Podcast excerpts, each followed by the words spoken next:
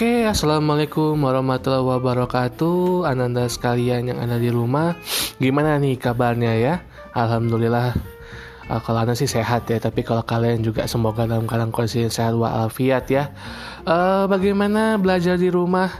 Saya anak kira pasti ada serunya, ada juga enggaknya ya serunya karena mungkin kalian bisa belajar sambil rebahan ya. Sambil ngemil ya. Sambil nonton. Dan nggak serunya mungkin kalian nggak bisa ketemu sama teman-teman ya.